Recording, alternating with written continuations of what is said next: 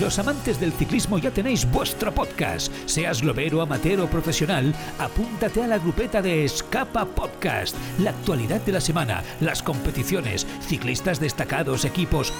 Escapa Podcast, con entrevistas, debate, la información técnica y las novedades del mercado de la bici, gracias a la tienda líder de ciclismo. Escapa.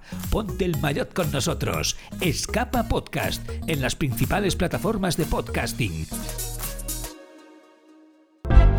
Bona tarda i benvinguts al Tribuna, un programa multiplataforma que pots escoltar en directe o quan et doni la punyetera gana. A la FM, en streaming, en podcast ara o a les 3 de la matinada. No tens excusa per no escoltar el Tribuna Marca amb Joan Prats. Què tal, com esteu? Molt bona tarda. Benvinguts un dia més al Tribuna Marca. Diu Xavi Hernández que té clar com canviar la dinàmica negativa del Barça guanyant, bones sensacions, eh, amb dinamisme en el joc, entrenant bé, sent positius, eh, sobretot eh, sensacions bones i fer un gran partit i aconseguir els tres punts. És la millor manera de canviar aquesta dinàmica, no?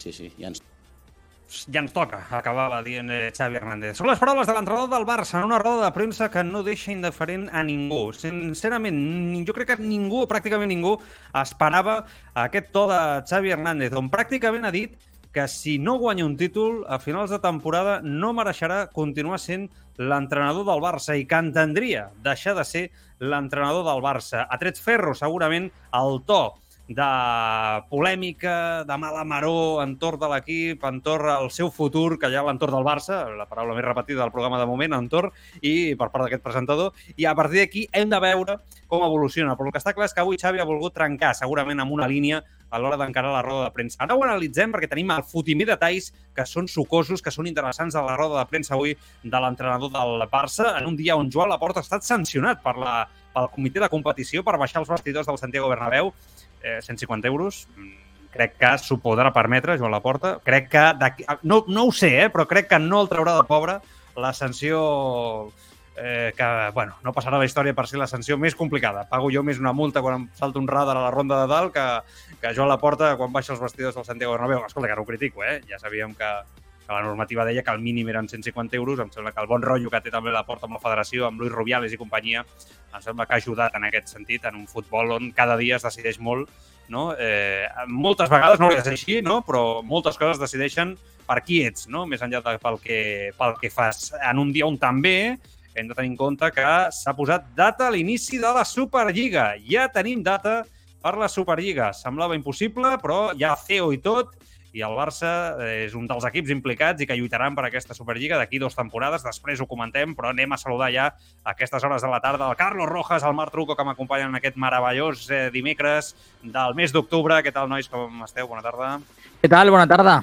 Pues encantado.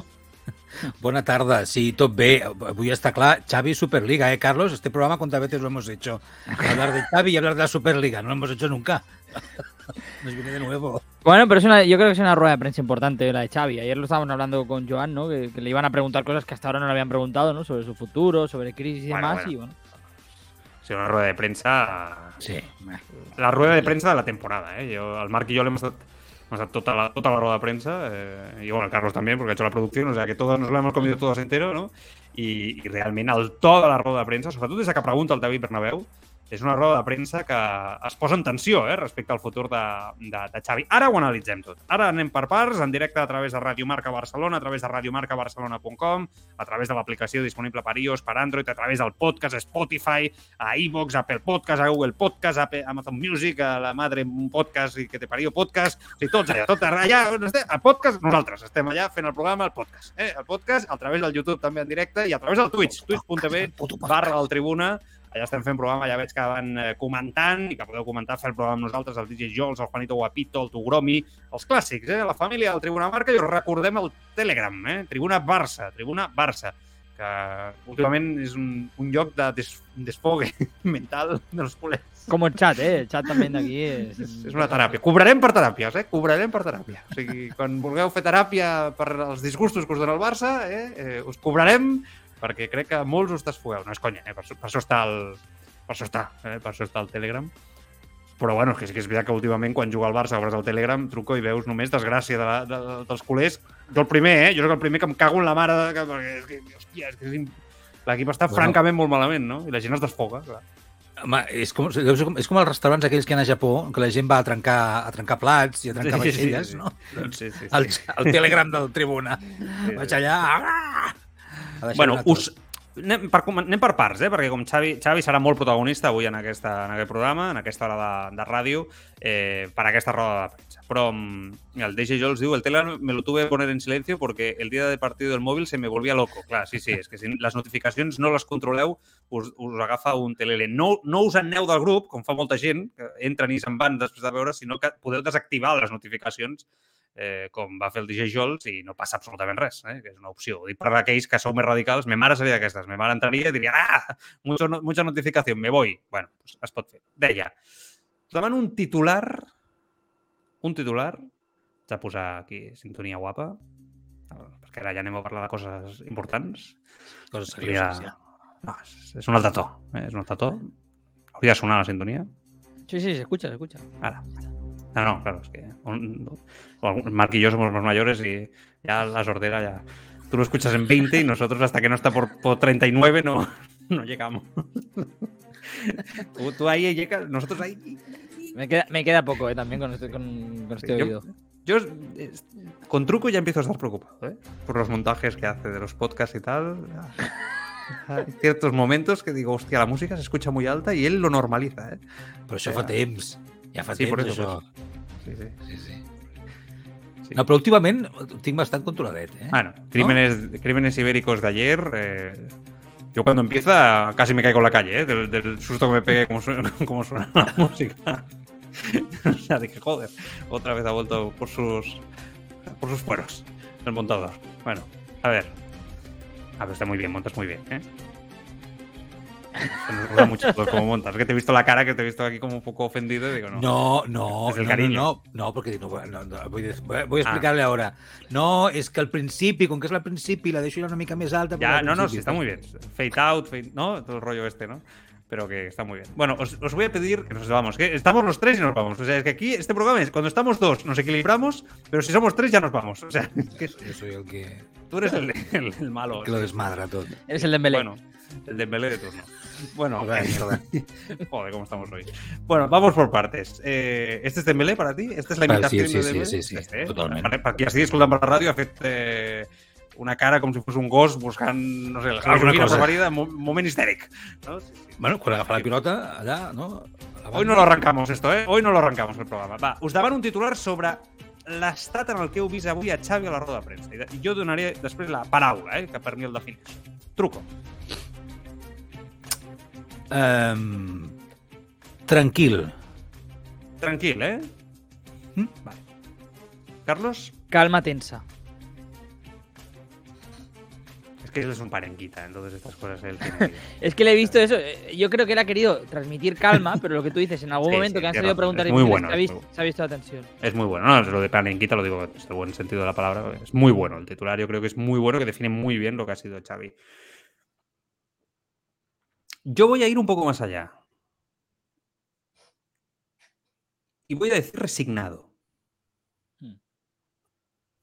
O sea, a mí nunca me había dado esta sensación y por primera vez me ha dado la sensación de cierta resignación. Uf, espera, se me ha disparado que la sintonía. Eh, de cierta resignación con la situación, con el club, con el momento, incluso diría con falta de entendimiento hacia su posición. Y ante eso, sensación de, bueno, yo me he explicado, he ido a corazón abierto, no ha servido de nada, llevamos dos días filtrando nombres para el banquillo del Barça, me caen palos por todas partes, resigno. Me resigno, voy a, hacer, voy a ser profesional, nos vamos a ceñir al resultadismo, no habéis entendido mi mensaje, ok. Si a final de año no gano, me voy, adiós, y oye, yo soy millonario, eso ho has dit tu, no? Això truco, i... Al, al, al, al, al, al despatx al matí, sí, sí, sí. Sí. És la sensació que he tingut. Hmm. Un poco de Es eso, eso que ¿no? dices Me- tú. Y, me- y a mí me ha sorprendido, ¿eh? A Xavi, Xavi así. O sea, no me lo esperaba. Para nada. Yo creo Para que él está, está tocado, bueno, es evidente, ¿no? Que, que se ha tocado por, por cómo está el equipo y, y por, y por lo que se está diciendo de él, ¿no? O sea, yo creo que es evidente que el entrenador del Barça, sea quien sea, cuando las cosas no salen, como le está pasando a Xavi, tiene que estar tocado, ¿no? Y tiene que estar Mm. pues preocupado por primero por su situación y segundo por la del equipo. Eh, pero en el caso de Xavi, yo creo que además está ese elemento añadido que es las críticas de fuera, lo que se está comentando del fuera y de dónde están viniendo, ¿no? Que esto lo hemos ido comentando. Yo creo que él a esto le ha herido un poco en el orgullo. Por eso digo yo, cuando Él conoce muy bien, Carlos, Sí. que cuando hay según qué noticias, sabe de dónde salen. Eh, exacto, conoce el Él es entorno. muy amigo de muchos periodistas. Sí, sí. Entonces sabe perfectamente cómo se cuece este. No, no, no es. No sé. mm, no sé, voy a poner el ejemplo de Setien, pero que no se me ofenda el hombre. ¿eh? O sea, pongo el ejemplo de Setien porque me da la sensación que Setien no tiene este conocimiento del club ni esta picardía de lo que es una bomba mediática constante como significa el Barcelona, ¿no?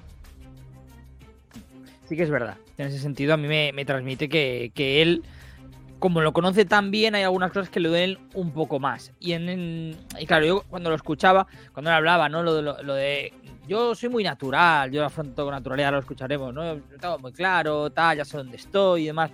Sí que evidentemente veo sinceridad en sus palabras. Pero también veo algo de dolor, ¿no? Algo de que se le ha herido, ¿no? En, en el orgullo. Y, y claro, es que al final esto del fútbol no para. Tienes dos días prácticamente para encajarlo del Sí, Madrid sí. y- salir ante los medios otra vez. Claro, es que ese es el problema, ¿no? Que, que no te da tiempo. No te da tiempo para lo bueno, pero también para lo malo, ¿no? Que como fallas ante el Villarreal, vamos a ver quién, quién levanta esto, ¿no? El jueves. Que cada partido es una final ahora, ¿no? Teniendo en cuenta la dinámica en la que ha entrado el, el equipo. Vamos a escucharlo. Primero hablando de títulos. Tema títulos, ¿no? ¿Se puede hablar de títulos?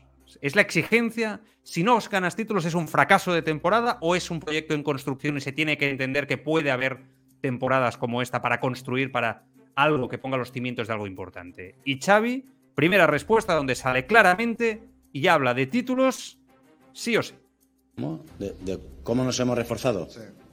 Sí. nos hemos reforzado muy bien. Ahora está claro que hemos tenido eh, bajas importantes en los últimos, los últimos partidos que se han, se han notado, está claro, ¿no? Pero al final sí. Yo creo que la plantilla es, es muy buena, es muy buena y que ya, ya le he dicho a tu compañero, ¿no? Que al final el objetivo es, es ganar títulos esta temporada, ¿no? Hay, no hay que esconderse ni cambiar el discurso, es el, es el mismo, ¿no? A pesar de la, del empate contra el Inter y la derrota en el, en el Bernabéu, sigue siendo el objetivo, es el mismo. Objectiu clar.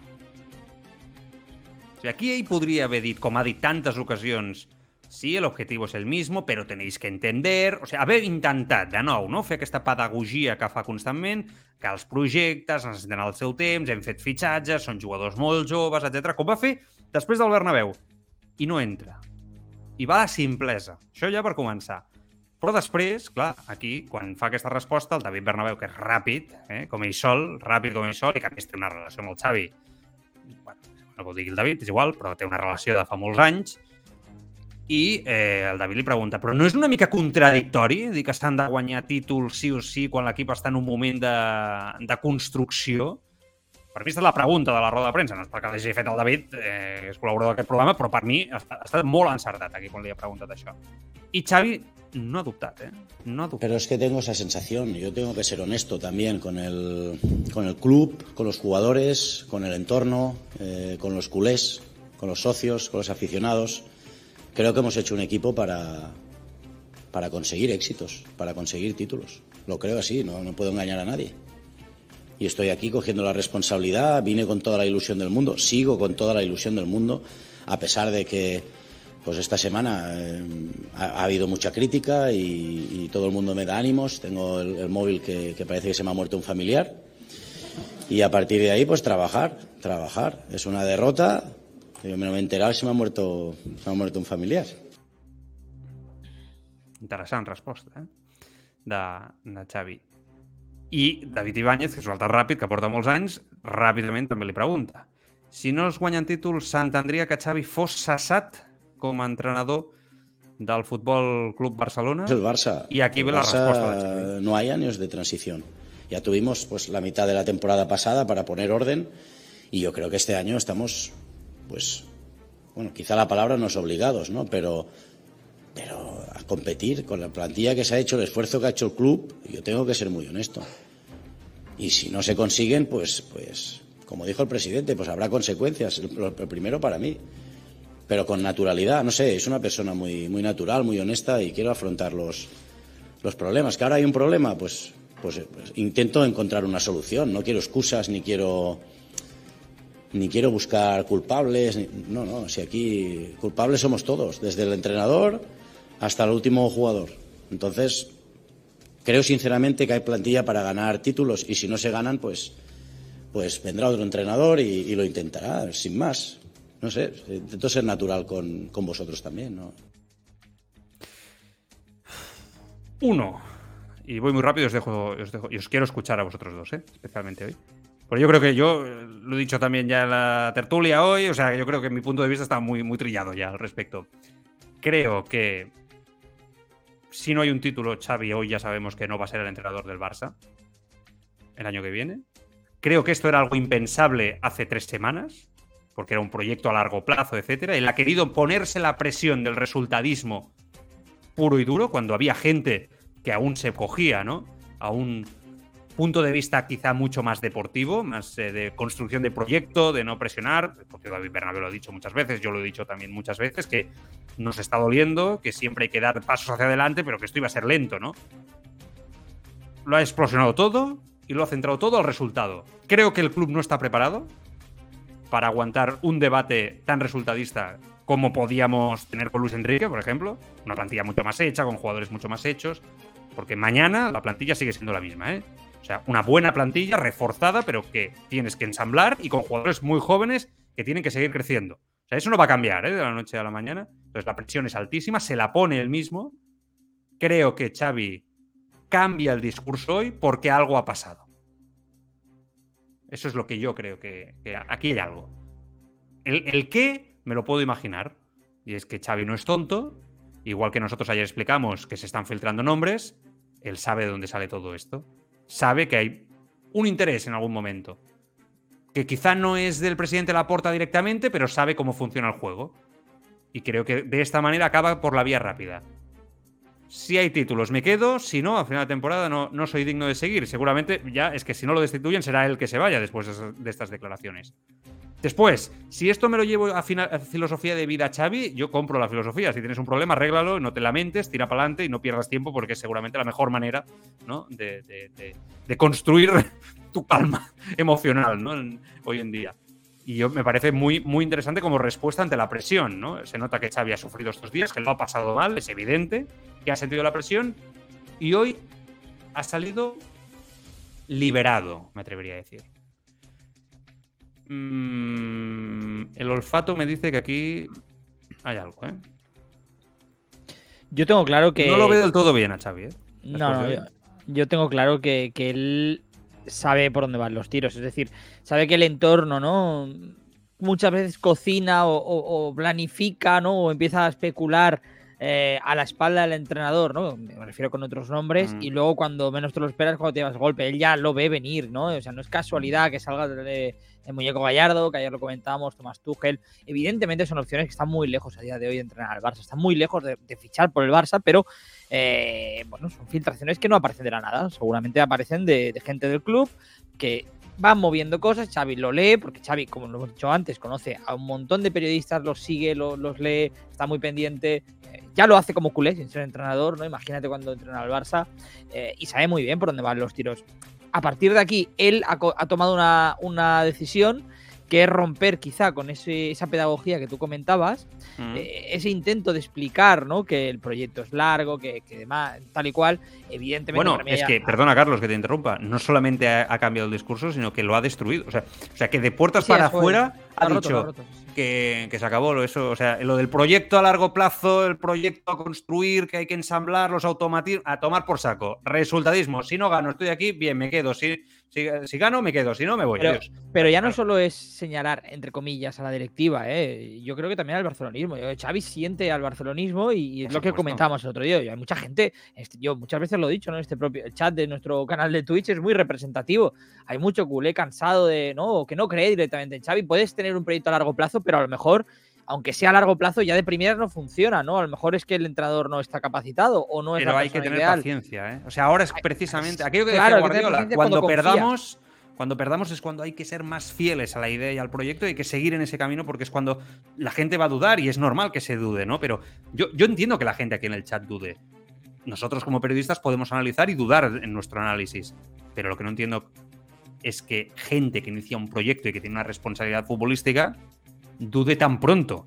Que se Pero vengan no sé abajo ante la primera adversidad. ¿eh? Yo no sé si tienen dudas, perdón, no, tienen- si- no sé si tienen dudas del proyecto o del estilo del Barça, sino de si Xavi lo está aplicando bien, que es otra cosa, ¿no? Que quizá es el, el, el qué para mí, ¿no? Vale, pero tú cuando dudas así tienes que saber eh, que otro entrenador lo va a hacer mejor, ¿no? O sea, es lo que te dije el otro día. O sea, cuando Sí, tú pero- estás pero- dudando de alguna manera, tú, una cosa es dudar en privado y que no salga de ahí, pero cuando tú dudas y filtras y hablas, No, no, claro, ahí es donde viene cuando Xavi decide romper y Xavi en ese sentido ha tomado, ha decidido tomar una postura parecida a la de Zidane con el Madrid, ¿no? Cuando Zidane se hablaba y se especulaba de su futuro de aquella manera, él dijo, mira, pues yo esto no lo voy a soportar, eh, yo ya sé dónde estoy, ¿no? Es que me recuerda mucho las declaraciones que hizo Zidane en su momento con el Madrid, ¿no? Sí. Y ya sé que si no gano me voy. Y cuando no ganó, por mucho que el Madrid, incluso, ¿no? Por cómo acabó la temporada, le ofreció seguir, él dijo, no, no, yo me voy. Ya hablo de la segunda etapa, ¿eh? No la, la, la primera, la Champions, la primera. Eh, y Zidane decidió irse, coger las cosas e irse. Y yo creo que Xavi, pues, ha tomado un poco esa postura. Ya veremos si durante la temporada la mantiene. Pero parece un poco ese, ese discurso. Entiendo que dolido también por cómo el aficionado del Barça a lo mejor ha dudado tan rápido de su Mm. figura. es que es eso, ¿eh? Yo creo que nos ha roto la cintura un poco a todos, ¿eh? A los que incluso estábamos más de acuerdo con su discurso y a los que no. Porque esto, también os digo una cosa. eh, creo que hay un error por parte del presidente, ¿no? Hablando de grandes títulos al inicio de temporada y poniendo el listón tan alto. Creo que esa es la gran cagada a nivel de, de mensaje como club. Eso nos confunde generalmente a todos, también evidentemente a los aficionados, pero después hay este punto de que hoy Chapi, para mí, no sé si incluso perjudica al club eh, con estas declaracions. Este, este segurament és, un altre debat aquest truco, però, però clar, una mica el, tu tens un projecte que necessita un líder amb calma, no?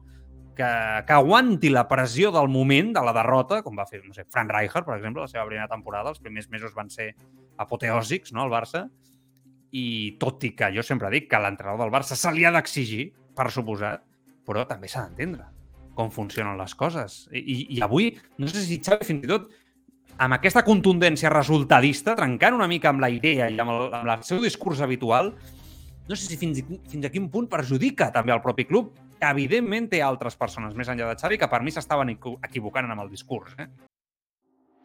Pon la palabra Apcas en el buscador de tu plataforma de podcasting y conoce todas nuestras producciones.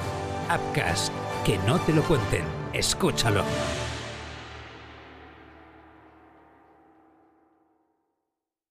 A, a veure, jo...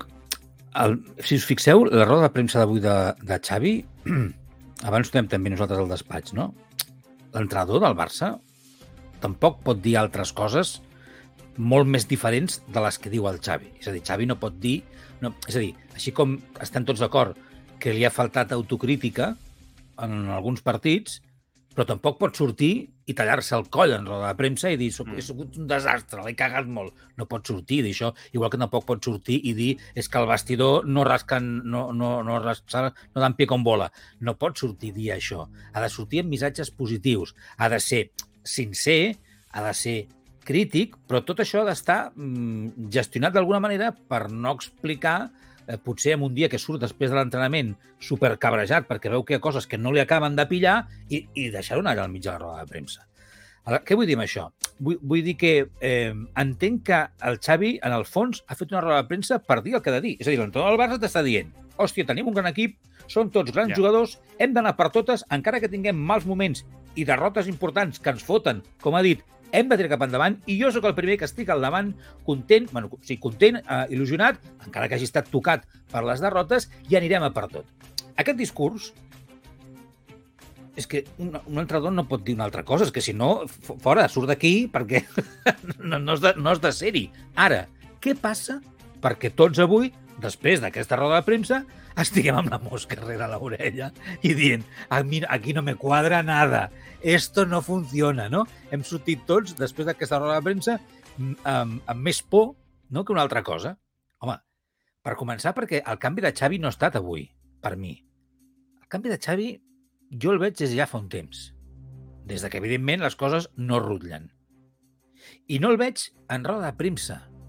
Ho hem parlat alguna vegada. No ha fet prou autocrítica. Hi ha moments, de, hi ha partits de futbol del Barça en els que el Barça ha anat, perdó, vaig fer més, exageració, més exageracions, amb la llengua fora, darrere la pilota, com si fossin uns xavals eh, jugant al col·le, i el Xavi ha parlat de errores. No, dos o tres errores. Que, bueno, claro, hay unos errores. I el Però no és casualitat, eh? Se, se paga. Sí, jo, jo, jo puc ser el primer que amb, amb, a l'hora d'analitzar em quedo amb les paraules de Xavi i tinc l'obligació d'analitzar les paraules de Xavi després d'un mal partit. Però alhora puc entendre que no vols sobreexposar els jugadors joves Clar. amb paraules molt contundents en roda Ah. de premsa que magnifiquin els errors de persones i futbolistes que estiguin en un creixement futbolístic. Correcte. Correcte. Però vull dir, però, però aquest canvi d'actitud del, del Xavi en roda de premsa jo la percebo des de fa un temps. I està clar que si a sobre ara l'altre dia ens fèiem, fèiem conya, no? Ostres, si surt el president a defensar-te, te queden quatre dies. Vale, pues, eh, surt el president a defensar-te i comencen les filtracions. Jo el Xavi d'avui, eh, tot i que el veig fent i dient les coses que ha de dir, com dèiem abans, deia, l'he vist tranquil, però un tranquil que, com deies tu, és un Vinga, tranquil què? resignat. Resignant, tranquil no? de- Aquest club és així... jo, pues mira, és així. Si guanyo bé, o sigui, si, si jo ho he intentat, he intentat anar amb un missatge de construcció, de, de, de recuperació del model, molt més enllà del pur, del pur resultadisme, no? Eh, Aquest Barça, recordeu que el Barça, quan ha jugat malament al llarg de la seva història, no ha guanyat. Eh, Ho, dic- ho dic perquè, a diferència d'altres clubs, el Barça per guanyar necessita jugar bé. Ho diu la història, no ho dic jo. Xavi ho ha intentat.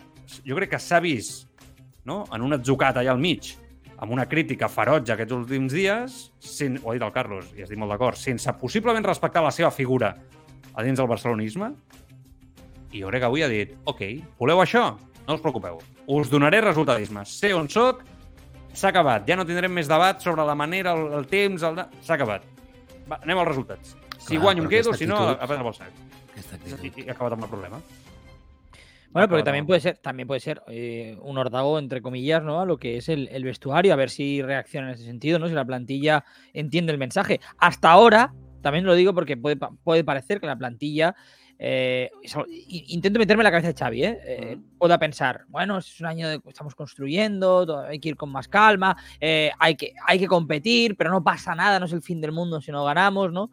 Eh, y yo, bueno, también puede ser un ordago para la plantilla, ¿no? Ahora la plan- no sé, Xavi evidentemente está expuestísimo, ¿no? Después de esto, pero la Sí. plantilla también. Ahora todo el mundo se le va a exigir a la plantilla. Pero que gane, Carlos, que gane, ojo, que porque su gran objetivo es no sobreexponer de presión a los chavales. Eso ha sido Sí, un objetivo total. hoy, hoy ha roto con eso también. Claro, pero si, si él va al resultadismo puro también internamente, o sea, está- estamos todos de acuerdo que no hay, este equipo no tiene una fortaleza mental para soportar una presión al resultado al día como implica el Barcelona. Eh, De ahí viene que el Barça esté en este momento tan malo, ¿no? Porque no tiene jugadores que soportan lo que es la, la presión que supone jugar en el Barça, más allá del problema futbolístico que haya, de construcción, de ensamblar este proyecto. Entonces, claro, si tú metes este mismo discurso que hoy ha dicho en rueda de prensa, sorprendentemente, insisto, que ha roto los esquemas a todo el mundo, lo trasladas al cara a cara con el jugador, mm, bueno, jugadores que han demostrado que mentalmente no son fuertes, lo matas. Lo matas. En cambio, si el discurso es vamos, vamos mejorando poco a poco, un poco el discurso que tenía Xavi en todas las ruedas de prensa, de no intentar hacer sangre con los errores de los jugadores, ¿no? Eh, Yo creo que es mucho más constructivo y bastante más inteligente como gestor de egos, gestor de personas. Pero bueno, ha cambiado esto. Entonces, claro, internamente ha apretado el acelerador, va a apretar el acelerador. Es que, es que lo de hoy, en serio, de verdad, ¿eh? ha sido muy sorprendente. ¿eh? Mira, em, ja, ja sé que no, no, em, no ho vol dir tot, eh? i potser no és exemple eh, ni un cas per, per prendre'l com a referència. Però avui, Mhm. justament, eh, després de la roda de premsa, abans de que tu entressis en, el, en la tertúlia mm, de Madrid, eh, Joan, eh, jo he entrat al canal de YouTube de Ràdio Marca on es podia veure, s'havia més l'entrenament d'avui del Barça. Sí. Sí? Vale. Bueno, la, la, la part que es, que es deixa per mitjans. Sí, sí. 15 Els minuts. Mitjoreta, no sé què és. 15 minuts, que són. Ah, Sí. Bueno, 20 minutets, 15 minuts, tal qual. Ja ho sé que no és, però jo la sensació que he tingut, dic, hòstia, vaig a veure, perquè el Xavi en roda La de premsa "Avui no? han, fet, un bon entrenament, avui he estat... Mm. Dic, hòstia, vaig a veure l'entrenament, no? Ja sé que són els minutets que ens deixen veure, eh?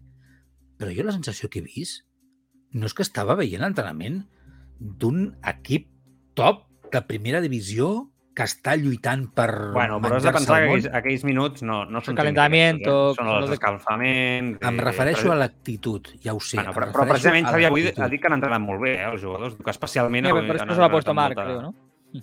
Eh, què? Que por eso te lo has puesto, ¿no? Por, por, para ver la Clar, clar, per veure... Per... I llavors, per... les vaques sagrades... I ja sí que és avui, que són aquests minuts, que un dia pot passar de tot i que el tros que em, que em deixaran veure per televisió... No serà, no tot- molt serà tot- representatiu.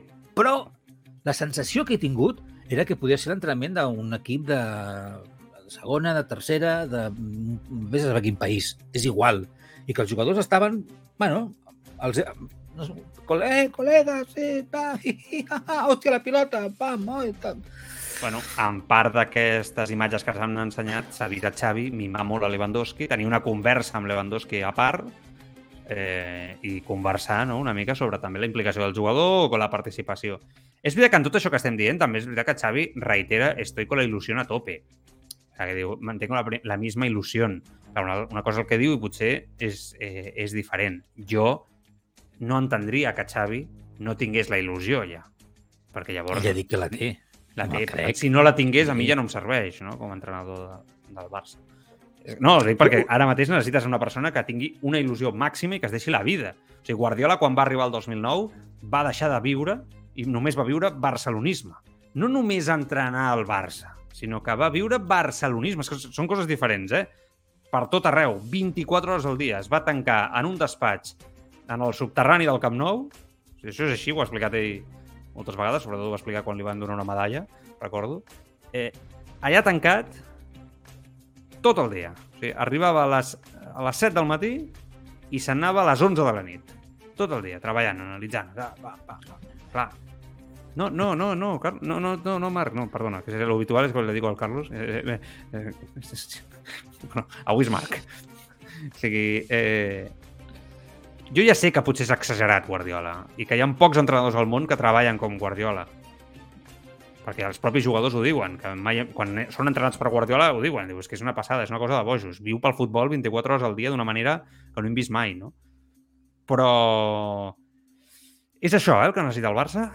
O sigui, una cosa semblant, eh? Perquè no la crisi Xavi- del club és enorme, enorme, molt dolenta, eh? Sí, sí. Però jo, jo no dubto que el Xavi no, no, no hi foti hores i, No. i el que s'ha i el que s'ha explicat des de la seva arribada és que el sistema de treball canviava, que hi havia més hores, es va, fins i tot la- l'any passat no? va sortir com un horari de eh, es despertaran, Sí, sí, arribaran, sí. faran primer això, faran Les l'altre. coses han canviat i han anat a més, amb Xavi és Clar. evident. Sí, sí, d'acord. per tant, jo això, però l'altre dia ho parlàvem i sí que és cert que, que és el que, en el fons, és a dir, la, la, la, la roda de premsa d'avui de Xavi és una conseqüència Mm. de com s'està club portant el psicòtic club, en el que estem. Exacte, de com s'està portant el club i, Clar. sobretot, a part d'això, de el que passa en el vestidor. Perquè una altra vegada veiem un equip que té potencial amb grans jugadors que ens han costat una pasta i que venien de ser superestrelles que arriben i en la disciplina del Barça dura dos dies l'alegria i després tot, tot se'n va a la merda. Aquí passa alguna cosa, Hay un estancamiento, si es que está muy claro. però otra vez un estancamiento de què? Sí. Sí. acabaven de No, porque hay un esta. A ver, de aquí, eh, ¿eh? es un poco lo que ha cosa dicho- d'aquí que no un poco lo que-. Claro, pues un poco lo que ha dicho Joan. Yo estoy de acuerdo con él porque eh, el fútbol al final es progresar, progresar, progresar, progresar, más en un, en un proyecto como el del Barça. Antes lo, lo iba a preguntar, iban a hacer la pregunta, al final no lo he hecho, pero a mí me parece que el Barça de marzo tenía las cosas mucho más claras que el Barça actual. Pues ese- eso es lo que digo yo cada día. No- que no cuando digo das la- 5 el para adelante ¿eh? de pasos, das 10 para atrás. Y es lo que Sí. no, no sirve. No te hablo de, la calidad de la plantilla, te hablo de la Sí, sí. idea, ¿no? De, Del fútbol, del fútbol, de la idea futbolística. Eh. Cuando, tú, cuando tú te estancas eh, futbolísticamente y no tienes esa personalidad, ¿no? Que, que es lo que se requiere para llegar lejos en Champions y para hacer una liga de más de 90 puntos, como todo parece indicar que va a ser esta liga, eh, evidentemente el día a día lo pierdes. Si pierdes el día a día, pierdes la confianza. Y si encima, insisto, hay esa falta de líderes, porque está muy claro esta temporada, el año pasado había un problema brutal de liderazgo, pero esta temporada está muy claro quién es el jugador que coge la pelota y la pide y mete un gol en el 92 Mm. cuando, te, cuando te marca el Inter, no, que es Lewandowski. Un jugador que va a otro, a otro nivel mental. Está clarísimo. Eh, yo creo que hay un estancamiento general de la plantilla. Si nos ponemos a personalizar, evidentemente hay más mejores y peores, ¿no? Pero hay un estancamiento futbolístico, un estancamiento mental y de ahí, y sobre todo, hay un estancamiento en la transmisión de la idea del entrenador. Es que todo parte de ahí. A los jugadores. A los porque La rueda de jugadores. prensa la transmite muy bien. Sí, sí. Es, es que al final es un poco lo que decimos coses, siempre. Carlos, aquestes coses, Carlos, jo us he comentat alguna vegada, jo no les entenc. És a dir, no, no entenc com a nivell professional, en un club com el Barça, un professional com el Xavi, que ha estat qui és i que no està sol, que està envoltat de Marc, més professionals. això has d'estar dins per valorar-ho. Eh, costa Bueno, molt, però, eh? això, sí, sí, però no, I no. el creixement estic de cada futbolista no sabem quin és. I... eh, Pues ja, ja, però, però vull, dir, vull dir que aquests tipus de problemes els tindran a tots els clubs. A tots. Ah, Però és veritat que el. Barça té una singularitat amb un estil futbolístic eh, molt particular que s'havia perdut i que Xavi té la, recuper... la, la, la missió de recuperar-lo. I no és Però, senzill, Joan, no eh? pot ser que el soci, veient per la tele o des de l'estadi, entengui i vegi i el jugador que està treballant per això tot el dia no ho entengui. Bueno, quan estàs dins del terreny de joc, eh, les coses no es veuen tan fàcils. Des de fora, moltes vegades veus coses que dins eh, costa, i el rival també juga, és evident, no? I el que passa és que com a entrenador has de tenir la capacitat per, si tens aquesta idea tan clara, dins d'aquesta idea tenir les alternatives per quan el rival et faci el que et faci, no? Guardiola, els jugadors diuen de Guardiola, t'explica com anirà el partit i què farà el rival i com reaccionarem nosaltres a com el rival t'intenta neutralitzar la primera idea. Pues això és el que li demano jo a l'altre del Barça, que dins de l'estil tingui la capacitat per poder-ho fer. Jo, a mesura que us vaig escoltant, començo a tenir cada cop més clar que avui Xavi s'ha equivocat. Eh? Sí, sí, sí. Què havia de per... dir? Sí, no, eh, perquè... mm, Sobretot quan estava parlant el Carlos, eh, m'ha fet pensar que, que realment eh, és veritat que venim d'on venim, que la temporada passada veies que l'equip avançava, però jo ho dic perquè nosaltres parlem amb la gent, amb el culer, amb els oients, eh, al carrer, a les xarxes socials. La gent està molt il·lusionada amb Xavi. Ara s'està perdent una mica, això. Quan l'equip avançava i no es guanyava, recordeu, es guanyava el Bernabéu, però l'equip ratxa de victòries, aquella, i veies que la cosa a poc a poc s'anava ensemblant, la gent no tenia aquest discurs resultadista, us recordeu? O sigui, eh, perquè, i, i fins i tot tenia la paciència suficient per anar fins on et portés allò. Perquè donava la sensació que s'estava recuperant alguna cosa i s'estaven posant els ciments d'alguna cosa important. Perquè el culer el que vol, sobretot, és sentir-se identificat. I amb això acabar guanyant. Que és del que va això, acabar guanyant. Però sí, però el culer exigeix jugar bé a futbol i una bona idea. No es vol avorrir. No podria jugar al Barça com l'Atlético de Madrid. Això seria impensable. No duraria dos dies un entrenador que fes un plantejament així. Per tant, això està inventat. Però el culer què passa? Que ara reacciona quan veu que la, la idea va cap enrere. Cap enrere. I llavors és quan surt el resultadisme del cabreig. Del cabreig més simple de dir bueno, claro, es que tomar por saco, así no ganaremos nunca. Es que ni el año que viene ni el otro, porque es que si no, no avanzamos. Per això dic que avui Xavi s'ha equivocat. I escoltant-vos encara ho tinc més clar. Perquè ha trencat tot el camí, la pedagogia que s'havia fet no? en aquest sentit. Recuperació d'una idea, els automatismes, a poc a poc, a poc a poc, a poc a poc, etc. I que jo crec que això ho havia fet molt bé. El problema és que segurament no s'ha traduït al terreny de joc i al terreny de joc hi ha hagut una involució en la idea. Bueno, doncs centra't en explicar la involució, assumeix la culpa, fes autocrítica, lluita per millorar, però crec que avui llences un trosset de tovallola massa d'hora. No dic la tovallola sencera, però llences un trosset de tovallola massa d'hora en aquest procés. I et centres directament en el resultadisme.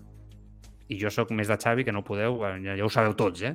I crec, i, i a més és una persona que em cau especialment bé, us ho he de dir, a nivell personal, però aquí no estem per parlar de com ens cau un més o menys, sinó per analitzar futbolísticament. I sí que és veritat que avui crec que bueno, pues, eh, clar, la gent ara, el discurs, aquest, tota aquesta gent que avui, aquests dies, estava molt sola o estava molt sols defensant el com, la idea, la feina, la forma abans que el resultat pur, que fins i tot dèiem, escolta, si és que el Barça potser aquesta temporada tampoc guanya títols. Jo ho he dit, això. En tertúlies, ho he dit aquí, ho he dit al canal de YouTube, dit que és que potser no guanya títols, però haurem posat els ciments, aquest és el gran objectiu, perquè la temporada que vinent el Barça ja sigui per fi un equip amb fonaments i deixi enrere aquesta etapa, no? Sí, però el tema I, està... a, i jo, compte, perquè avui, avui aquest discurs ja no serveix. Perquè jo ho puc dir, però clar, si, jo, jo puc pensar el que sigui, però jo no hi pinto res en tot això. Però si l'entrenador avui destrueix aquest missatge i ja parla de resultadisme pur, tot es limita a una idea, que si guanya èxit, si perd, no serveix. Sí, pero también es verdad que, que esa, etapa la, esa etapa la marcan las palabras de. Él ha hecho referencia en el corte que escuchábamos antes, a lo que dijo Laporta, ¿no? No ganar tendrá consecuencias. Eh, yo creo que al final, Xavi, insisto, eh, la rueda de prensa le ha venido en un mal momento, es decir, todavía no ha acabado de Bueno. asumir, seguramente. No, no, no, lo digo. Me, me explico. Eh, no ha acabado de asumir ¿no? la situación en la que se encuentra el equipo. Eh, digo, él, ¿eh? No acaba de aceptar y está harto y dolido y herido y todo un poco a la vez. Sí. Hace dos días que se Yo pierde sé en que el haya, se haya cabreado, ¿no? Sí. Yo creo que esto, esta, esta rueda de prensa, si ahora hubiera, hubiera habido un parón, como hubo en septiembre, y hubiera vuelto, hubiera sido la primera rueda de prensa, no la hace ni de, ni de lejos. Seguro. Sí, estoy de acuerdo. Entonces, de eh, aquí ha habido un problema también de, de- de saber, ¿no? De medir. Eh, Xavi es humano, evidentemente, es una persona con orgullo, como, como todo profesional, y yo creo que aquí se ha dejado, se ha dejado llevar un poco. Eh. O sea, el problema Ha sido un poco de, ¿queréis resultados? Pues vamos a los resultados. Habrá resultados. todo a una carta. Si hay resultados, me quedo y tal, y, y si no, ja us espavilaréis. Ha sido, no, el truco és una mica això, és en plan, resultats, pues resultats, anem a resultats. Jo intentaré fer el millor possible, amb la meva idea, i amb la meva idea moriré, ara l'escoltarem. Però això és el que hi ha. Us queixeu? Bueno, doncs escolta, si no enteneu que això va més enllà, no?, de, de, de, dos, tres, quatre mesos d'un any, sinó que cal més temps, yo os lo he intentado explicar. No, resultados. Al final de año yo soy honesto, ¿eh? Soy honesto con vosotros. Si no, vendrá otro. Adiós. És que, és que jo, en el fons, clar, el, és que el club des d'un primer, i aquí els oients al xat, per exemple, ho estan recordant, i vosaltres ho heu fet abans també, no? El club des d'un primer moment mm, ja diu que des de fa temps, no?, que es fa la inversió o que al Barça no hi ha èpoques, eh, moments de La gran transició de la porta i- és, és posar aquestes expectatives. És la gran Ja. cagada. i que s'ha d'anar a per totes. Clar, una altra cosa, jo m'agradaria pensar, m'agradaria pensar que en una temporada com, la, com aquesta que estem vivint, si no es guanyés cap títol, però s'hagués jugat bé, s'hagués competit, i no despenjar-se de la Champions al moment que et despenges. Però si, Mm. mm. si aquella, aquesta evolució de que parlaves tu abans, Joan, de, és que Sí. clar, abans fan, no, havíem vist com hi havia un, un, un progrés, no? No hi havia Mhm. estancament, hi havia una evolució i cada, no, cada, cada setmana, cada partit, hòstia, no, podies haver-hi dubtes, podia haver-hi coses que no funcionaven, però veies com una mica més, una mica més, no? Aquell, aquell jugador del que no estàvem tan convençuts, ja, hosti, ja comencem a Mhm. estar convençuts, ja trepitja millor la gespa, ja entén millor el joc posicional, ja no sé, el que sigui, no? Clar, tot això... Eh, Mira el que mateix- diu Lilith 18, eh? Sí, El Xavi diu? és una víctima més de les expectatives, expectatives que s'han que generat. Eh? Sí, sí, clar. Compte amb això, eh? que em sembla que la clava. Ah, llavors, jo crec que si s'acaba la temporada, és el que m'agradaria pensar, sense títols, però veient que s'ha construït de veritat i que tenim un equip competidor de veritat, que no es fa petit, que no sembla que vagi perseguint la pilota en algun partit eh, com un gosset. Aleshores, jo sóc dels primers que no entendré que Xavi no continuï, perquè veurem l'evolució, tindrem l'equip competitiu i a les victòries arribaran. El problema, i jo crec que tots estem així, perquè veiem que no juga bé, que es perd, que es fa el, una mica el, el ridícul, que com deies tu, et fan plantejaments, no? et fan la foto i ja, ja et saben eh, matar el partit i no hi ha reacció. Podem sumar la conjuntura del, del, del moment de l'equip amb, amb, amb, amb lesionats, amb, tot això, però aquesta és la sensació que tenim. I a tot això hi sumem que no sembla, perquè ja ho hem viscut, com a mínim jo, la temporada passada, Sí. no semblem veure que arribin les solucions ni la manera d'arreglar-ho. I aleshores aquí és un... Bueno, Vale. el cangaló... Més de Xavi, i llegeixo missatges que sé que hi ha un fotimer de, de, de missatges avui de, dels oients, els vaig llegint tots, però hem d'anar fent el programa perquè avui hi ha molt, molt de contingut en aquesta roda de premsa que ha estat la roda de premsa de la temporada. La idea. La idea futbolística. Ah, Aquest és un altre, perquè als últims temps hi ha debat sobre l'estil. Aquí mateix molta gent ens escriu cada dia, creu que el Barça no pot seguir jugant a l'ADN Barça, que aquest és un error, que és un estil de joc que ja no pot ser jugat avui dia, que està obsolet. És cert que no s'assembla massa com està jugant els últims dies al Barça, per mi no és reconeixible, Xavi diu que sí, però jo crec que el Barça s'està allunyant, eh, s'està perjudicant clarament futbolísticament amb els plantejaments del seu entrenador, sobretot als últims partits. Xavi diu que l'equip juga el que ell vol, que la idea, un cop més, que No es toca. a la idea nostra, no? inclús el Bernabéu perdent, perdent 3 a 1 o contra l'Inter que no es va aconseguir l'objectiu de guanyar el partit a casa, s'està jugant a lo que, a lo que volem, no? a lo que entrenem, a ser protagonistes en el joc, atacar. Clar, eh, mireu aquesta part final, si puc recuperar-la. Nosaltres juguem el que, a la idea nostra, no? inclús el Bernabéu perdent, perdent 3 a 1 o contra l'Inter que no es va aconseguir l'objectiu de guanyar el partit a casa, s'està jugant a lo que, a lo que volem, no? a lo que entrenem. Vale. A mi, a mi és que em preocupa aquest tall, eh, sincerament, perquè, perquè el Bernabéu es va jugar el que tu... Clar, no, no, no. És que aquí, aquí és on ens preocupem. Diu és això. que... Ah, és- Son estas respuestas, las primeras partes excelentes, ¿no? Todas estas cosas. Claro, Claro, esto. Al final, es- fíjate lo que os digo, yo, yo creo que es incongru- incongruente lo, lo que hemos escuchado antes con esto. si Xavi exige resultadismo, ¿no? Mm. No puedes destacar una primera parte mediocre. No tienes que, a partir de ahora digo, ¿eh? tienes que elevar, tienes que romper también con ese mensaje. No tienes que ser exigente también en rueda de prensa. No, no, me- no me vale nada decir, hay que ganar un título, luego perder contra el Bayern, ¿no? De aquí a dos semanas, y si es que se pierde, y, luego- y decir, "Buah, pero la primera parte, los primeros 15 minutos, el Bayern no està, no ha salido área. volgut. Claro, Ah. tiene sentido. Però d'aquí la, d'aquí la sensació que dèiem abans, de que ha tirat, de tirar la tovallola, de conformisme, de, bueno, pues, pues, pues, pues, es lo que hay. Dic, Ja, dic el que haig però- de dir i Però tira. escolta, que, ha dit clarament que el, Ba- el Barça, eh, el Bernabéu, el Clàssic, es va jugar el que el Barça volia. O sigui, eh, és que em sembla que aquí, per mi, és una relliscada important de l'entrenador. Perquè una cosa és que la idea no es toqui. Perfecte, compro. La idea no es toca. Estupendo. Si jo sóc de- de- d'anar a saco amb la idea, amb l'ADN i recuperar-lo. Però això és una cosa. Això es una cosa. Pero ir a decir que en el Bernabéu, donde el Barça fregó el ridículo en muchos tramos del partido, se jugó a lo que quería tu equipo. uf, Duro. Para mí muy duro. Un Clar, error perquè- por el cual le van a atacar por todas partes. Bueno. Bueno, eh, clar, és que és, és, és, el, és la, jo, a veure, jo crec que el Xavi sap perfectament què és el que va passar. Si no, aquí, aquí, si no, aquí sí que tenim un problema, per tant, no, no, no hi entro. El Xavi sap el que va, el que va passar, el que ha passat en aquests últims partits. Eh, una altra cosa és que, que decideixi dir ell en roda de premsa, no?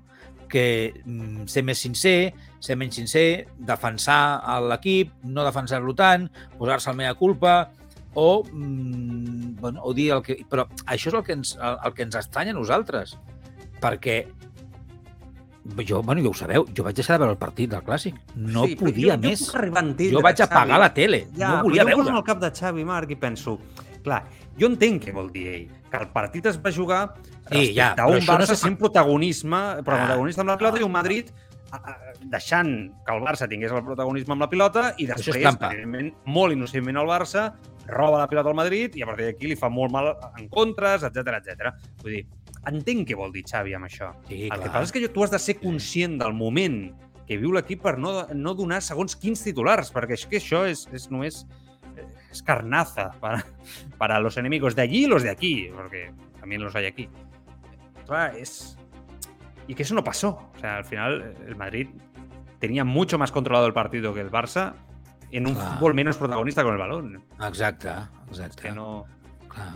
Entonces, Clar. ah, no sé. Bueno, mentalitat. Sempre estem dient que el, que el Barça és un equip feble de Cucu, ¿no? Que es desendolla. Yo creo que eso es una obviedad, ¿eh? Mí, o sea, para mí ya no es una opción. Para mí esto es una obviedad que el Barça es un equipo mentalmente muy flojo, con muchos problemas en los partidos y en los grandes partidos especialmente.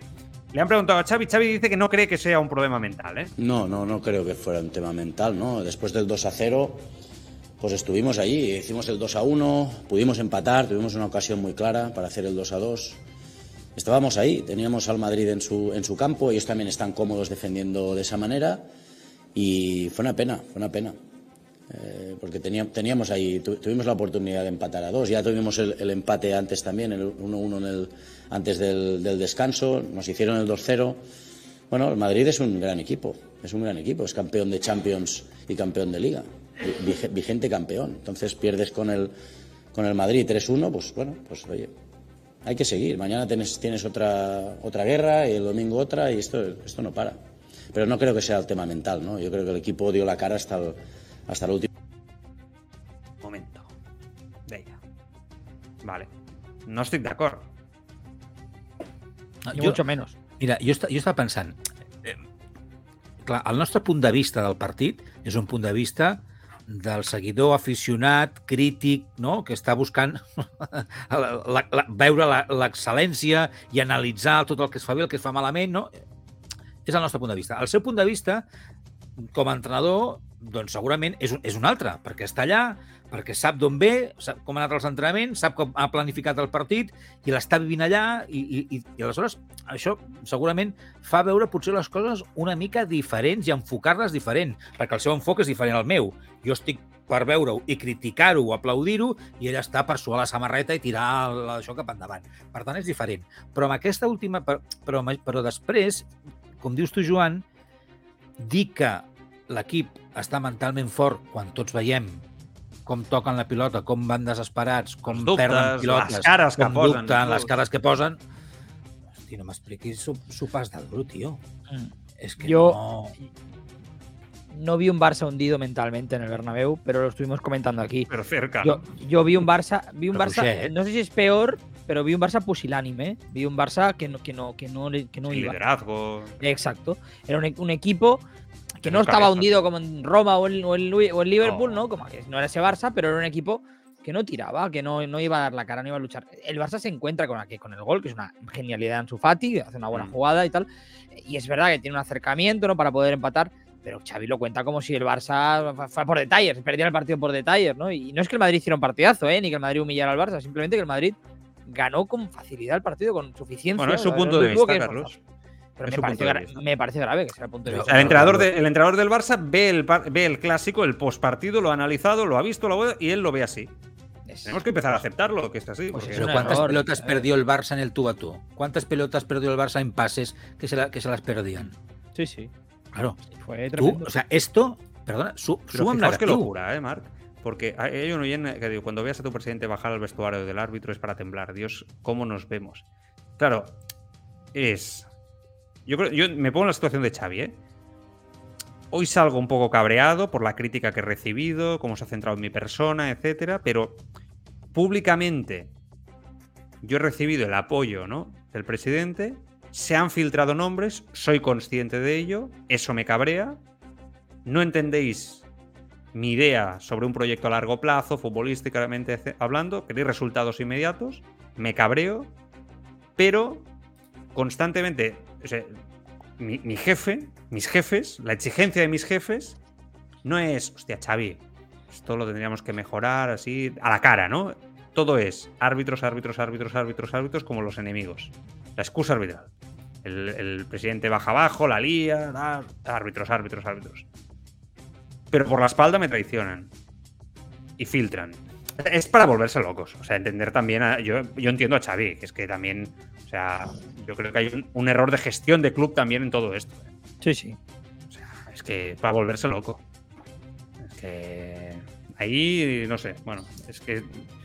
No sé si son conscientes los gestores de que, que el- que se vaya Xavi o que destituir a Xavi en un momento determinado puede ser la crisis definitiva que acabe de hundir a este club, ¿eh? Porque yo no estoy tan de acuerdo con esa gente. No, viene un nuevo entrenador, cambia el estilo, tal, para adelante. No. Te cargas a una leyenda, te cargas seguramente a la persona más representativa del estilo en la era moderna. Ojo, ¿eh? Ojo que, esto no es cargarse a Kuman, esto no es cargarse a Setién. Ojo. Y eh, además de que entras en el club psicótico que representa ya de ir a entrenador por año o más. Jo, lo, jo crec que vendrien problemes de verdad. Missatges, truco, missatges a la gent. twitch.tv barra el tribuna. Doncs a veure, comencem la... Sí, sí, tu pinxa, pinxa. A ver, Comencem la selecció que ha fet el Carlos amb el DJ Jols dient truco, se te echaba de menos. Eh, gràcies, Autobombo, DJ claro que sí. que Clar sí. muy, muy, muy me Ahora diu cambiar el... Sí, sí, no, yo no tengo a. Cambiar el nombre por Tributerapia. Ah, pues mira. El de, el de Joan, Telegram. ¿no? No, habla del Telegram, que es cuando estábamos hablando del Telegram. Bueno, sí, sí, sí, sí. I cobrar, no? Deies de cobrar també una miqueta per... Sí, pero Para la, la la tribu no, que el tribu es lo de Varela ya, que lo hace por las mañanas. Nosotros, eh, tribuna. Ah, no. Tribuna tribu- terapia. Tribuna, hostia, perdona, estoy muy mal. Lo siento, perdona, tío, todo mí. Es un tío bastante más inteligente que yo, lo siento, lo siento. Estoy, estoy, estoy, estoy muy cabreado con lo de Xavi. No, mi cabeza no da para más. Yo lo veo Tribuna. sobrepasado. Lo veo sobrepasado intentando disimularlo. eh, respecte a l'actitud del tècnic. Seràs muy listo, diu, este hombre no es nada realista respecte a les paraules de Xavi. El Mhm. DJ que t'acaba de nou dient yo noto que ha cambiado el discurso. Lo que no sé es el motivo por el que lo ha cambiado. Ho ha estat parlant fins ara. Després el Turromi deia, yo empiezo a no creer en Xavi, pero se le, tiene, se le tiene que apoyar hasta el final de temporada y valorar su trabajo. També ens ha escrit el Marx 42, que això és una armadura de l'Iron Man, no? O alguna així. Bueno, ok, més oportunitats al Xavi, però si us plau que deixi de dir allò que les primeres parts són excel·lents. Postdata, trucos al puto amo. Otra, otra. No, no he sido yo. Eh, serás muy listo. Algo te va a pedir Carlos, ¿eh? Algo te va a pedir. Serás muy listo tenía que haberse aplicado el lema del cholo de partido a partido y no que nos lo íbamos a comer todo desde el principio. Mm. Al Salva Tarrasa diu, aparte de que son flojos psicológicamente, les han metido más presión de la necesaria, tanto Laporta como Xavi con esas declaraciones de que ya lucharíamos por todo. Al Power Jimmy Gurux diu, ¿puede ser que Xavi no sea un buen gestor o motivador de grupo? Pregunta. En las ruedas de prensa da la sensación de loser. Al Manu diu, a Xavi le iría genial estar un par de añitos de segundo de Guardiola. Mira Arteta, qué bien le ha ido. Y no sé si este no ya. Eh, hay, hay uno más, si queréis. eh, Ah, uno más. Venga, uno más. Venga, un último. Al DC Rebus diu, una buena casa se hace desde los cimientos y aquí un club, los primeros cimientos era tener una buena directiva con una idea y planificación y no improvisación. Sí, sí. Es que ahí. Bueno, defensa de Xavi sobre Sergio Busquets, que ojo, porque seguramente va a ser suplente. Gran señalado de las últimas derrotas, resultados, momento. Defensa de Xavi de Bussi. Quan es perd, tothom quedem exposats, no? L'entrenador, els jugadors i, i bé, s'assenyala sempre dos, tres futbolistes, a l'entrenador, és, és normal, estem al Barça, no? Per mi Bussi no, no canvia res, continua sent molt important, eh, evidentment hi haurà partits que, que potser no l'utilitzarem o que l'utilitzarem menys, però segueix sent un futbolista clau per nosaltres, per l'engranatge, perquè és el capità de l'equip, perquè sempre suma. El Bussi sempre suma, tant Bussi com els, com els capitans. No? Crec que tenim un vestidor molt sa, molt bo, tothom està endollat per, per aconseguir els reptes aquesta temporada i això és el més important. No? Per, això, per això és el que fa, em fa sentir positiu de que les coses acabaran, acabaran sortint, perquè ho veig des de dins i veig que les coses eh, són molt positives, hi ha un bon ambient i la gent va una, i això és el més important. Em vull quedar amb aquesta part final de Xavi, que m'agrada molt, no? Aquesta part final m'agrada molt. Estàs tancat, eh, truco de micro, eh, que m'agrada molt, però sí que és veritat que bueno, defensa de Busquets, pero tampoco tiene otro, ¿no? De medio centro, o sea, Claro. puro, puro, o sea, sí, tampoco lo vas a... Busquets es, es- es amigo personal de, de Xavi, ¿no? Pero que tampoco lo va, lo va a o sea, Claro, respeto claro. máximo, ¿no? Aunque es verdad que ha estado especialmente Muy mal. No, y el propio mal. Xavi lo ha señalado, ¿eh? Cuando hablaba de errores ¿no? contra el Inter y demás. Bueno, Sí, por cierto, el Mundo Deportivo ha explicado que Busquets está muy enfadado por las críticas que ha recibido, que cree que son muy injustas. Eh, Bueno, jo, sí, bueno, bueno, perquè jo crec que en la balança, no?, d'aquests últims temps, Busquets pesa molt més en positiu que en negatiu. Però si és que amb Busquets, amb Busquets és, és molt simple. O sigui, si el Barça juga el que juga en, en un joc posicional reconeixible, té el domini de la pilota, Busquets brillarà amb 35 i amb 55, perquè el seu futbol està molt clar. I està... Ara, si el Barça es traeix a si mateix i el rival et controla a les contres, estàs perdido i Busquets queda retratado entonces parece un muñeco perdido en el centro del campo. Que no es la primera vez que pasa, esto ha pasado ya en otras épocas también con Busquets. Si es que no, no es nada nuevo. Y Eric García, otro de los señalados en los últimos tiempos, en los dos últimos partidos especialmente, y ojo porque aquí Xavi se moja mucho por Eric García, ¿eh? Da muchísimas cosas, para mí es una garantía, es una garantía. Es un tipo extraordinario, profesional, eh, es un ejemplo dentro del vestuario, eh, suma siempre, entrena bien. Entonces, sí, claro, hemos de mejorar todos en el, en el rendimiento, ¿no? Pero valoro mucho el, el futbolista Eric García, yo lo valoro mucho. Claro, porque es el central perfecto para el fútbol que él quiere imponer. Y sabe perfectamente que cuando juega el Barça es reconocible, Eric García brilla, como brilló a principio de temporada. El problema es cuando, pues lo mismo, lo mismo que Busquets, el Barça sufre, grandes espacios, todos a correr para atrás, te pillan a la contra, tú no eres protagonista, aquí no hay la actitud. Entonces, claro, todo este tipo de futbolistas muy específicos del sistema, ¿no? Que jugarían en un sistema y brillarían en un sistema como el del Barcelona, pues quedan retratados. Caso Busquets, caso Eric García y caso sería Xavi si jugara en este Barça. Que también sería un jugador muy señalado, ¿no? Porque no se practicaría un fútbol donde él pudiera brillar. Es que no conectarían Chávez e Iniesta, ¿eh? Pedro y Gaby no conectan. Él ha dicho que él se sentiría a gusto ¿eh? en, este Barça hoy. Bueno, claro, también tiene que defender. Entiende que tiene que defender su propio equipo, ¿no? su propia idea. Eso, eso, eso ha dicho. Bueno, eh, en acabant. Mm, ¿Queréis hablar algo del tema de los fichajes del mediocentro? Hoy sale este chico, ¿no? ¿Cómo se llama, Carlos? El. Eh... Ah, no me acuerdo el nombre, sí. Sí, sí, sí. sí, sí. Me sale Siraga, pero no, no, no, no es Siraga. Sacaré. Sacaré el PSV Eindhoven de, Costa de Ivor y de Costa de Merfil. 24 años, bueno, parece que es la opción, la nueva opción. Eh, es verdad que hoy Xavi también le han preguntado sobre eso, ¿no? Eh, si, implicaba el hecho de que fichan o van a fichar a un medio centro en verano, si implica que el Barça ha hecho las cosas mal en verano, o sea, van a fichar en invierno, implica que han hecho las cosas mal en verano respecto a la planificación de. Yo creo que no, yo creo que se ha hecho una buena planificación, que se ha fichado bien y que hay otro mercado en invierno, pero vamos a ver. Vamos a ver, queda lejos todavía. Evidentemente, el Barça hay que, tiene que seguir trabajando en cualquier mercado y y cualquier apuesta de, futuro que, podamos incorporar, pero no es, no es el tema que nos, que nos ocupa ahora, es el tema de mañana al Villarreal, que es lo más importante, ¿no? Ganar el partido para, para cambiar la dinámica.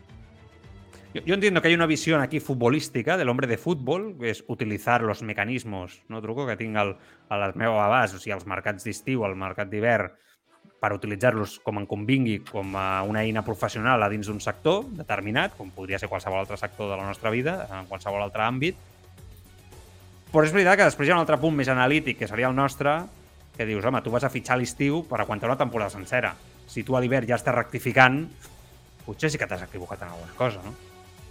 Totalment d'acord. I per començar, en la situació en la que està més que mai, el Barça hauria de fer una bona feina al mercat eh, fer la consciència, fer que la, no, la, la, la projecció esportiva de la temporada siga el més acurada possible eh, i, i, i fitxar bé, i fitxar bé i donar minuts. I donar minuts i confiança als que arriben, treballar bé perquè s'adaptin i donar confiança a la pedrera. Si és que estem a mal de sempre.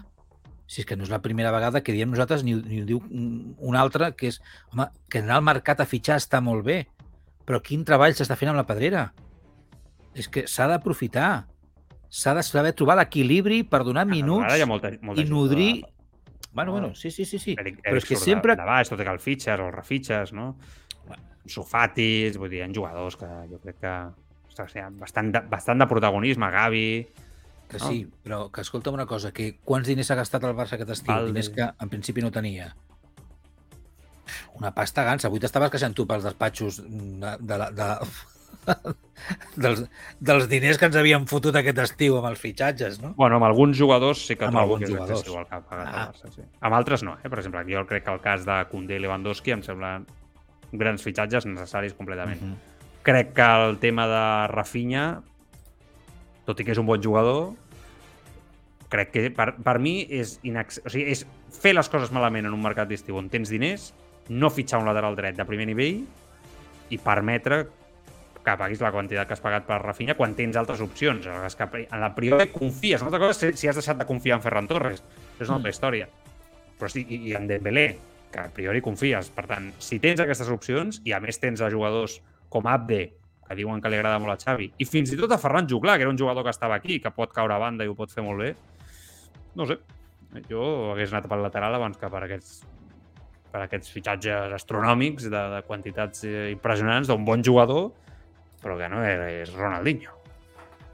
Que, que és Hay una es opción si fichas que... al brasileño bueno, fichas al crack, al, al top, al top, y no lo es.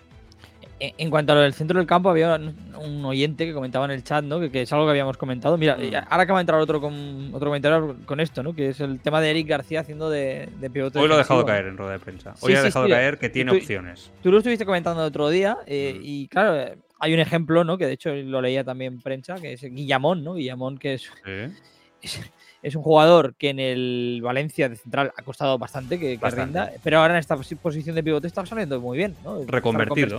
Sí, sí. Mm. Bueno, Piqué jugó un gran año en el Zaragoza como pivote. ¿eh? Mm. Hizo una temporada impresionante. El Zaragoza cedido ahí por el Manchester United.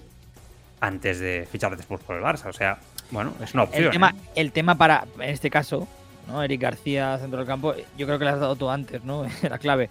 Es que Eric García es el central que le gusta a Xavi para, para su Barça. Claro. ¿no? No lo va a cambiar de posición porque Pero lo también es verdad que si tienes a Araujo y a te puedes permitir a jugar, jugar con Eric García como Pero es pivote. que a él le gusta mucho Eric García central, ese es el tema. Sí, sí, sí, es que es evidente. hoy ha quedado clarísimo. Vale, tema Superliga. Y con esto nos eh, vamos. Eh, Ber Richard, ¿no? Eh, que procede del mundo del marketing deportivo. Nuevo CEO de la Superliga ha sido anunciado. El objetivo de la Superliga es la temporada 2023-2024. Ahora se va a reunir con los clubes implicados, con los que salieron, con los que aún están, con las federaciones. Y 23-24 es la fecha que quieren esta gente de la Superliga, con el nuevo CEO, empezar la competición. Bueno, ya hay un CEO. Esto parece que va. No, 24-25, que me están diciendo. A 24-25, es verdad. 24-25. Aún queda un poquito más. Pues.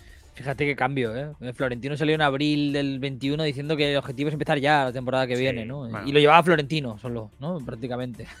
Una cosa que no tenía sentido. Está claro que tiene que tener un propio, ¿no? CEO, Ya, ya primero por la transparencia, ¿no? Por Mm. mucho que haya fundadores. Eh, que, sí, imagínate que Florentino fuera el presidente de la Superliga, ¿no? Sería, ya, vamos, habría cada día debate, ¿no? Pero, bueno, es un paso adelante. A partir de aquí quiero ver cómo lo, cómo lo, cómo, ¿no? lo ponen en marcha. Eh, estaría bien. Además, yo creo que una figura como él, como, como cualquiera, es decir, no, no lo digo por, porque esta persona sea concretamente la adecuada, eh, viene bien porque yo creo que los puentes entre Ceferin y los dirigentes, ¿no? De tanto Juve, Madrid y Barça están rotísimos. Eh, alguien nuevo ¿no? al menos no puede servir de intermediario, como, como Ben Richard. ¿Qué dios, Marc? El Richard aquest es como George- este- te parece George Clooney un poquito. Bueno, Bueno, eh, Yo creo que no le llega, ¿no? A la altura de. a George Clooney, esto el tío del vaig George veure està, Clooney està tiene- bastant cascadet ja, eh? Sí, pero Eh, Una entrevista en el Financial Times, esto que estamos viendo en imagen, y Sí. Reuters. Home, jo crec que se- sembla que és que el el que va passar amb, amb, no? amb, la, amb la famosa presentació suïcida de la Superliga va ser esperpèntic, com ja vam parlar Mhm. tots, no? Ara és el camí, no? Posar, posar algú que faci les coses bé i perquè allò no està ben fet, està clar, perquè en dos dies se'n va anar tot a, en 24 hores se'n va anar tot a Norris, no? I la gent es va despenjar i, bueno, va ser un desastre allò.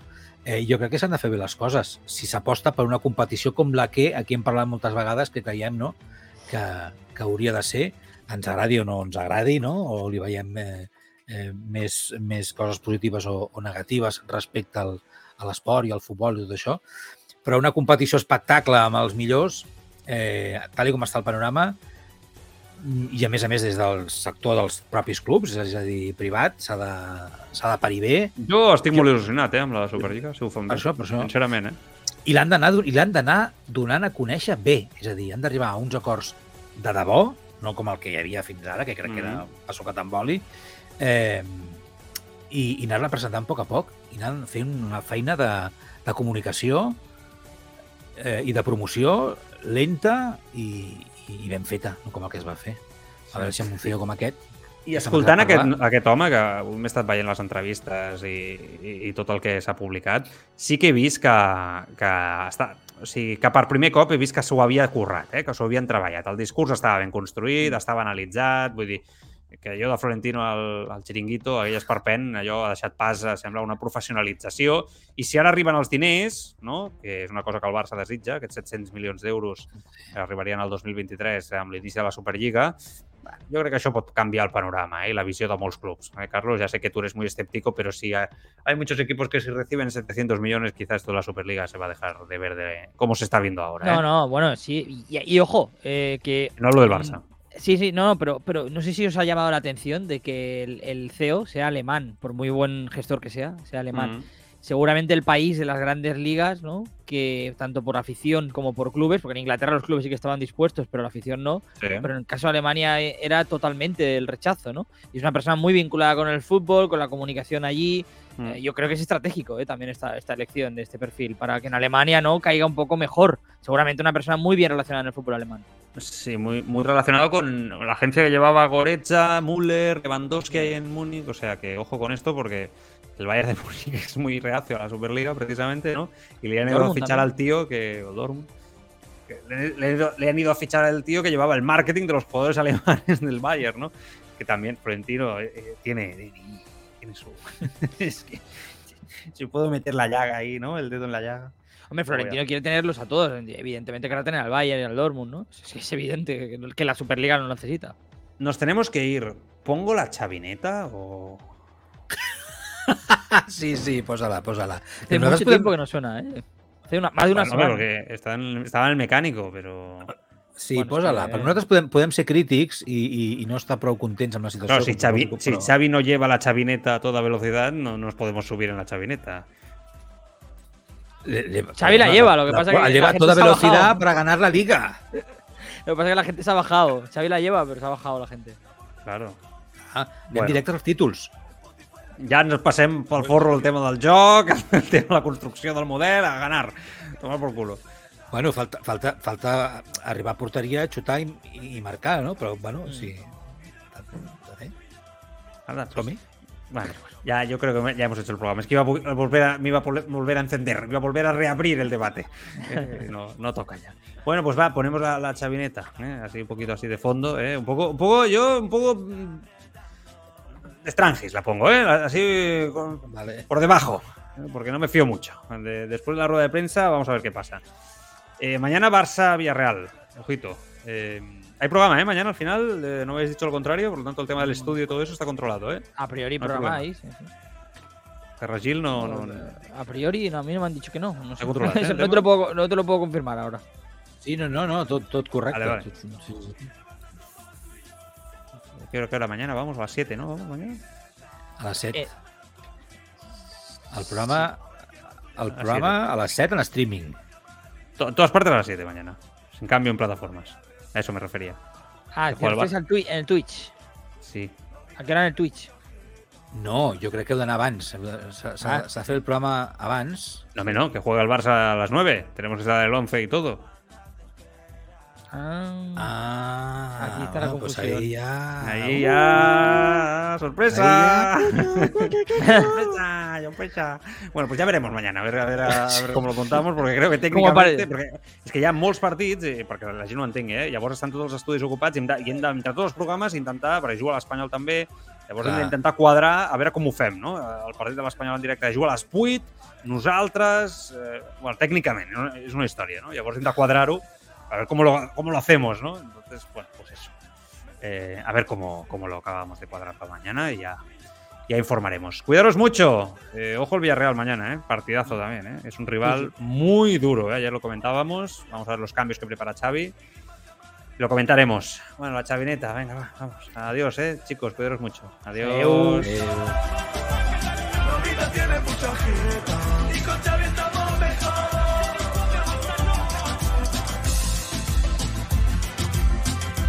Llegan los premios Evox 2022 y tus podcasts preferidos de Apcas pueden ganar gracias a tus votos. Entra en premios.evox.com y haz tu votación.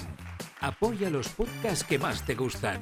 Vota por Crímenes Ibéricos, Crímenes Deportivos, Juicios de Crímenes, Escapa Podcast, Marca Mercado y ¿Qué fue de Don? Vota los podcasts de Apcas en los premios Evox 2022. Tienes tiempo hasta el 24 de octubre.